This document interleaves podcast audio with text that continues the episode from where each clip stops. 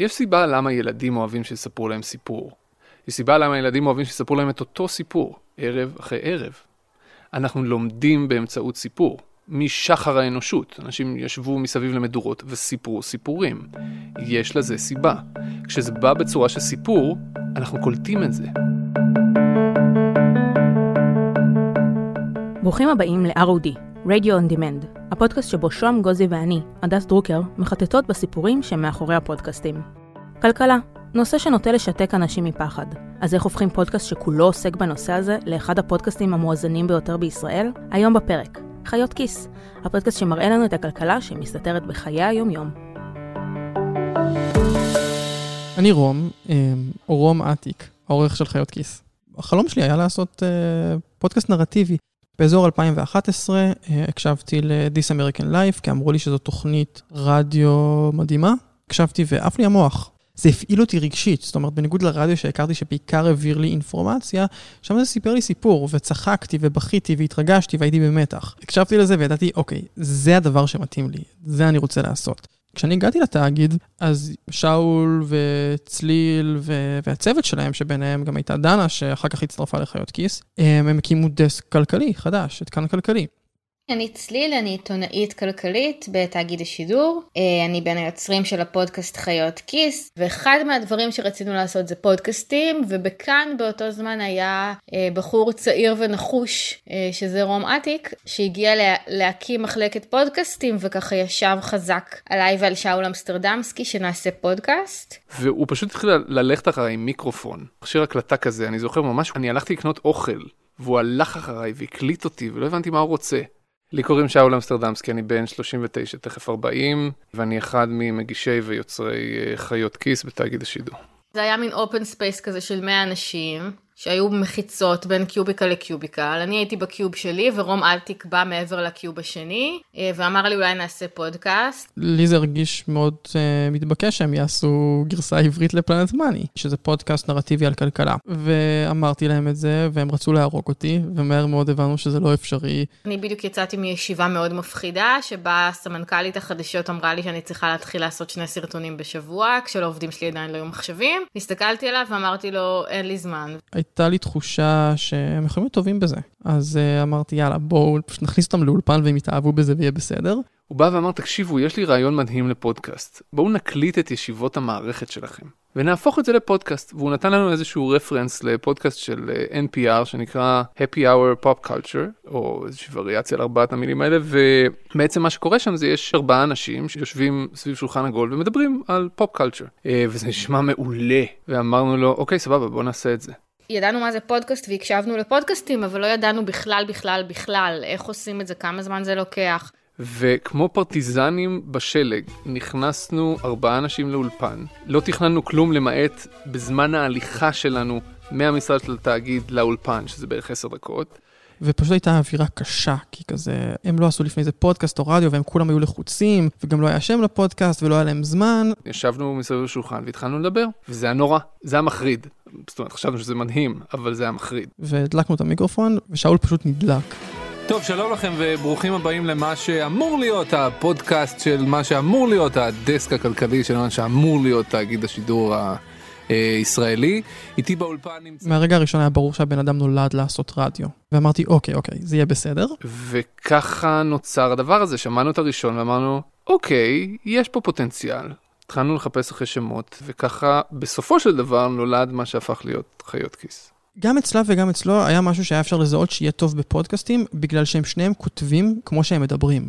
זאת אומרת, יש להם קול אישי נורא נורא מובהק. ועוד דבר שזכור לי מההקלטה הראשונה הזאתי, זה האייטם האחרון שעשתה צליל, שזה היה איזה מין ניתוח כלכלי של החברה הגאונה, בהקשר של מה שקורה באיטליה, המצב הכלכלי באיטליה. עכשיו, מה הקשר לאלנה כן. פרנטה? הספרים של אלנה פרנטה אה, מתארים את הילדות של שתי נערות בשכונה מאוד מאוד מאוד מאוד ענייה בנפולי. זה באמת, זה מתרחש בשנות ה-60 פחות או יותר. האנשים האלה שגדלו בנפולי הם במידה רבה אנשים שאמרו לא במשאל העם באיטליה. תסבירי. בעצם איטליה היא שתי מדינות. עכשיו תמיד אומרים... וגם זה היה איזה משהו שקבע את ה-DNA של חיות כיס. שאפשר גם לקחת את החיים הרגילים, או את הדברים שאנחנו לא מייחסים לכלכלה, ולהסתכל עליהם בעיניים כלכליות. חיות כיס זה פודקאסט כלכלי, שהיצירה שלו נובעת מתוך האמונה שכל אחד יכול ולכל אחד מגיע להבין את הכוחות והמניעים הכלכליים סביב המציאות שלנו. אני מאוד אוהב את, ה, את ה byline שלנו, את המוטו של חיות כיס, שלא כל כך מסתכלים עליו, אבל הוא שם. סיפורים על כלכלה במילים של בני אדם. עוד אה, כותרת משנה של הפודקאסט שאנחנו משתמשים בה בינינו לבין עצמנו, זה תוכנית על כלכלה ורגשות. התחלנו ככה לאט לאט לכתוב תסריטים, לראיין אנשים, להכניס אינסרטים, להפוך את זה בעצם לפודקאסט נרטיבי שכתוב מראש. אני חושב שזה הפרק השביעי של חיות כיס, להציל את הרוח הישראלית, כי זה פרק על uh, משבר מדעי הרוח. והוא נפתח בזה שהם אומרים, הפעם ניסינו לעשות משהו אחר, שזה מצחיק, כי היום כל הפרקים נשמעים ככה. והיום אנחנו רוצים לנסות פרק בסגנון אחר, כמו של הפודקאסטים האמריקנים שאנחנו מקשיבים להם. כמו של פלנט מאני, אתה יכול להגיד את זה. ברגע שעשינו פרק אחד נרטיבי, פתאום הבנו את הפוטנציאל האמיתי. פתאום הבנו שזה מה שאנחנו רוצים לעשות, שאנחנו רוצים לספר סיפורים. סיפור עם התחלה, אמצע וסוף, ולא פטפטת ליד הברזייה. סיפור כלכלי בסוף לא שונה מכל סיפור אחר. אחד הפרקים שהכי אהובים עליי, פרק די ישן, שצליל ואני פחות או יותר מקריאים טופס של אה, מס הכנסה. השבוע נדבר על הגיהנום הקטן שהוא למלא טופס ממשלתי, על המשוררים שמחברים את היצירות האלה ועל החלוצים שמנסים להציל אותנו מהצרה הזאת. לפני כמה שבועות שאלנו אתכם... וזה נולד בעקבות זה שבפעם הראשונה בחיי נאלצתי להגיש את הטופס הזה למס הכנסה, זה דוח אה, שנתי שעצמאים צריכים אה, להגיש. וזה היה כל כך לא סביר, שאמרתי להם, תקשיבו, אנחנו חייבים לעשות מזה פרק, אנחנו חייבים להבין מי האידיוט שהנדס את הטופס הזה, ולמה זה ככה. ובסוף צליל יצא למסע הזה, אבל פשוט נולד משם. 90% מהאנשים מיוצגים על ידי רואה חשבון או יועץ מס, הציבור לא מצליח להתמודד עם הטופס הזה. זה נהדר, רואי חשבון כותבים את הדבר הזה, כך שרק רואי חשבון יבינו אותו, ואז הם יקבלו כסף בשביל לעשות את הדבר הזה. תראה, העיקר שהם מבינים אחד את השני. הרעיון הוא לזהות משהו א', שהוא מעניין אותך ברמה האישית. אם זה לא מעניין אותי, או את צליל, או את דנה, זה לא יעניין את המאזינים שלנו. ודנה, היא לא הייתה לדעתי בפרק פיילוט, היא הצטרפה אחר כך, אבל מהר מאוד היה ברור שמכל חברי הצוות, אז היא הכי מתחברת למדיום הזה של פודקאסטים. קוראים לי דנה פרנק, ואני ממגישות ההסכת חיות כיס, בכאן תאגיד השידור. בסופו של דבר, אם אני חושבת על זה, ה passion שלי מאוד היה לספר סיפורים. ואני חושב שהדבר שהעיף אותי, זה, אני לא זוכר אם זה היה הפרק הראשון שלה, אבל יש פרק מאוד אהוב של חיות כיס בשם דנה פרנק עוברת בנק. אני לא זוכרת איך זה עלה, אבל היינו בדסק, שזה open space כזה, מישהו דיבר על מינוס, ואז אמרתי, מה, רק אני במינוס פה? והתשובה הייתה, כן, רק אני במינוס פה. ואז פתאום קלטתי שהבנק שלי עושק לי את הנשמה. שאני במינוס, ואני לא מצליחה לצאת מהמינוס, וחלק זה בגלל שאני משלמת עמלות מאוד גבוהות. והייתי כזה shit. ואמרתי, אני אעבור בנק, אני שונאת אותם, הם עושים עבודה לא טובה. אני רוצה לעבור בנק. וזה היה אמור להיות סרטון של כאן כלכלי, הם היו אמורים לצלם סרטון, והם כל פעם גנזו אותו, זה לא עבד, ואז דנה הראתה לי את התסריט.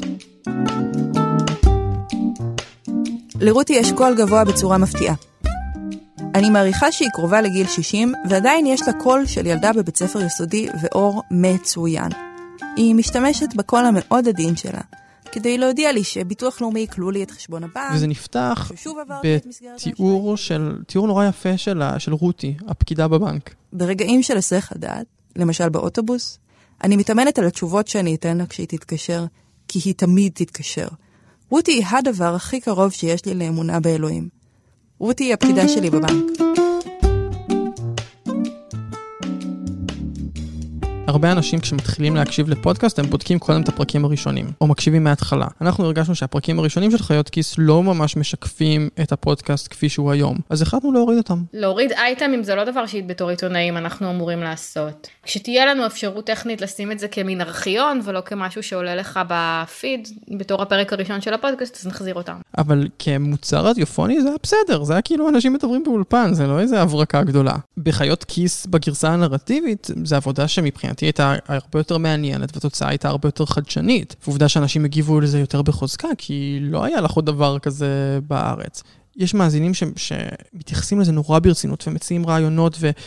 וגם אומרים ש, שהפודקאסטים מלווים אותם בחיים. יש בזה משהו נורא נורא אינטימי שאני לא מכיר משום מדיום אחר, זה באמת יוצא דופן. קודם כל זה נחמד לא להיות לבד. אתה נכנס בסופו של דבר לאולפן, זה חדר ריק שאתה יושב בו עם עוד בן אדם, אתם מדברים כאילו אף אחד לא שומע, ובסוף אנשים שומעים. אני זוכר שאחרי הערב live הראשון שלנו, עשינו הקלטה מול קהל, ואז אחר כך מאזינים אה, נשארו לדבר איתנו. וצליל אמרה לי, תשמע, זה היה ממש מוזר. הם אחר כך נשארו לדבר, והם דיברו איתי כאילו הם מכירים אותי, כאילו אני חברה שלהם. ואמרתי, תשמעי, את קצת חברה שלהם. זאת אומרת, הם שומעים אותך פעם בשבוע, 30 דקות, באוזניות. זה יותר משהם שומעים את ההורים שלהם לפעמים. זאת אומרת, זו מערכת יחסים נורא נורא אינטימית. קבוצת הפייסבוק שלנו היא קרואה בין אה, אחוזים מסוימים של אה, גילויי חיבה להרבה אחוזים של ביקורת. זה פוסט שכתב אחד המאזינים. אני מאוד אוהב את הפודקאסט חיות כיס, אני הרבה פחות אוהב את הקבוצה של חיות כיס בפייסבוק. זה כאילו מועדון מעריצים וכולם כותבים כל פרק שהיה מעניין, בפועל זה מועדון של בקלש מתמשך נגד הפודקאסט וכל מה שהוא מייצג. הערכות של חיות כיס מנסות להעביר באלף דרכים בכל פרק את המסר של להתעניין בכלכלה זה לא להיות חסר לב ששונא עניים, אוהב ביטקוין, עושה פולסא דנורא על רשות המיסים ומנשק תמונה של ג'ף בזוס בכל לילה לפני השנה. כלומר, שזה לא בהכרח מה שלהתעניין בכלכלה אומר. ומאזיני הפודקאסט, או לפחות אלו שמגיבים המון בקבוצה, מנסים לשכנע שכן, בהכרח. זה כאילו הקהל השרוף של איזה זמר היה מגיע באופן קבוע לכל הופעה עם ארגז של עגבניות ורמקולים ענקיים שמשמיעים את השירים של להקה אחרת. אבל מה אני מבין? בטח זה קורה פשוט כי זה מה שההיצע והביקוש מכתיבים, ואין טעם להתנגד. חיפשנו פלטפורמה בעצם להפיץ את הפרקים וכשפתחנו את הקהילה הזאת זה היה במסגרת הניסיון הזה כאילו גם לקדם את הפרקים וגם של לאנשים ששומעים את הפרקים שיציפו רעיונות שיכתבו מה דעתם. יש לנו שתי קבוצות של מאזינים בעצם בעיניי. טוב, אני מניחה שיש עוד, הם איפשהו באמצע, אבל אני כמובן לא שומעת אותם. האנשים שמתקשרים איתך, בטח בתגובות, בטח באינטרנט, הם או מתים עלייך, או שהם שונאים אותך, ונטיית הלב שלי זה לומר לך שזה יותר האופציה השנייה. אני שומרת לעצמי את הזכות להגיב על מה שאני רוצה, אני לא מגיבה להאשמות שנראות לי מופרכות או חסרות פשר. אנחנו מגיבים הרבה על ביקורת, אבל ביקורת שניתנת מתוך רצון בדיאלוג. היו לנו חששות מהקהילה הזאת, פחדנו שזה יהפוך להיות מקום של uh, התנגחויות פייסבוק משמימות של ימין ושמאל, מה שלעיתים קורה אגב, אבל זה ממש ממש לא רוב הזמן, ומפה לשם זה פשוט התפוצץ ונהיה משהו נורא נורא גדול. זה גם מאוד תורם לעבודה. אם אני צריכה אנשים שיספרו איך השפיעה עליהם הקורונה, מה הם עשו עם החסכונות שלהם, זה מאוד קל לעבוד ככה, יש לך מין uh, כמו קבוצת משתתפים כזאת. זו קהילה מדהימה, באמת קהילה מדהימה, הם נותנים לנו פידבק, אנחנו לומדים ממנה, אנחנו מקבלים רעיונות, אנחנו מרגישים שכיף לנו לשתף שם, יופי של דבר.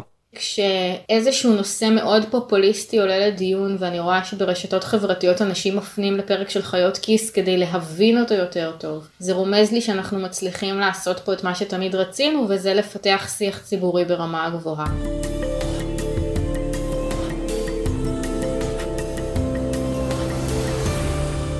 מול הבית שלי יש את פלאפל הקוסם, שזה פלאפל מאוד מאוד מפורסם, ותמיד יש המון אנשים שמחכים שם בתור. ובסוף השבוע האחרון עברתי שם עם האופניים, ומישהו כאילו מהתור של הפלאפל צעק לי, אחלה חיות כיס. אה, בוא נגיד את זה ככה, לא קורה הרבה פעמים שאני מוצאת את עצמי צריכה להסביר מה, מה הרעיון ומה האווירה שאנחנו מייצרים. אם אפשר להסביר פורמט או רעיון במשפט אחד, זה בדרך כלל אומר שהפורמט הוא טוב. ואני חושבת שסיפורים על כלכלה במילים של בני אדם, זה ממש כל מילה היא, היא בסלע. כשזה בא בצורה של סיפור, בוודאי אם חוזרים עליו, אנחנו קולטים את זה. כשזה בא בצורה של uh, טקסטים בעיתון שמלאים בז'רגון וכולי, אנחנו לא מסוגלים להבין מילה. וזה החלק של המילים של בני אדם. אנחנו צריכים לדבר על הדברים האלה לגמרי כמו שאנחנו מדברים על זה אחד עם השני ביום שישי בסלון. ולא כשפותחים מיקרופון או מצלמה, פתאום uh, לעשות מעצמנו נורא נורא חכמים, ואז להשתמש במילים שנשמעות חכמות וגבוהות, אבל הן בעצם מילים שמדירות. אז בהקראות הטכניקה היא קודם כל להסתכל,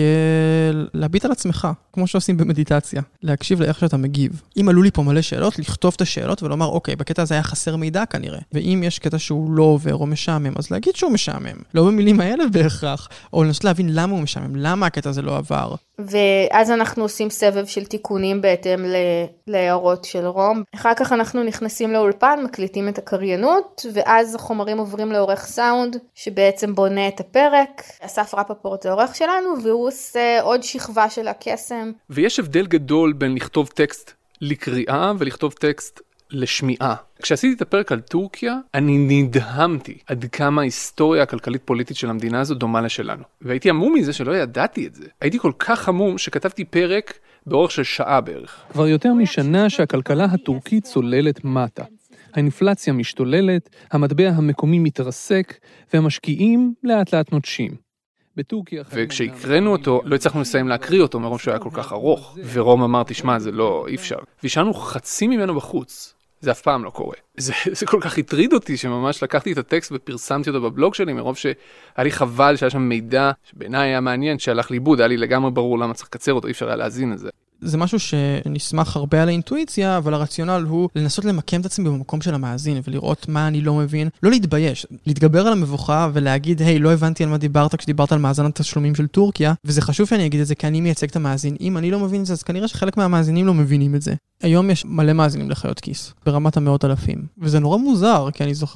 את הימים שאף אחד לא הקשיב לזה. ואני זוכר איזה רגע שצליל ואני נשארנו באולפן עד מאוחר, כי היה משהו, איזה פרק שלא עבד, ושכתבנו וכתבנו, ומשהו לא הסתדר. לא היה לנו אוכל, אז כזה הוצאנו אוכל מהמקרר המשרדי, והיינו ממש כזה בשאריות כוחנו, ואז באיזה רגע של ייאוש אמרתי לצליל, למה? כאילו, זה כולה פודקאסט, וגם לא כזה הרבה אנשים מקשיבים לו, אנחנו לא רופאים או משהו כזה. וצליל אמרה לי, תשמע, אם לנו לא אכפת מזה, אז לאף אחד לא יהיה אכפת מזה. וזה משהו שנשאר איתי. הייתה הבנה בתחילת הדרך שפודקאסטים זה משהו שכדי שהוא יתפוס בארץ צריך לפתוח את השוק, צריך לחנך את השוק שיש כזה מוצר וללמד אנשים להקשיב לזה כדי שיהיה קהל ורק כשיהיה קהל אז יוכלו להיכנס לזה חברות מסחריות. בזמנו היו די הרבה אנשים בדסק הכלכלי, והיו די הרבה אנשים בחיות כיס. ישראל פישר היה, והילה וייסברג, וליאל קייזר עשתה כמה פרקים, אני חושבת שעמית תומר עשתה פרק, עקיבא וייס עשה פרקים.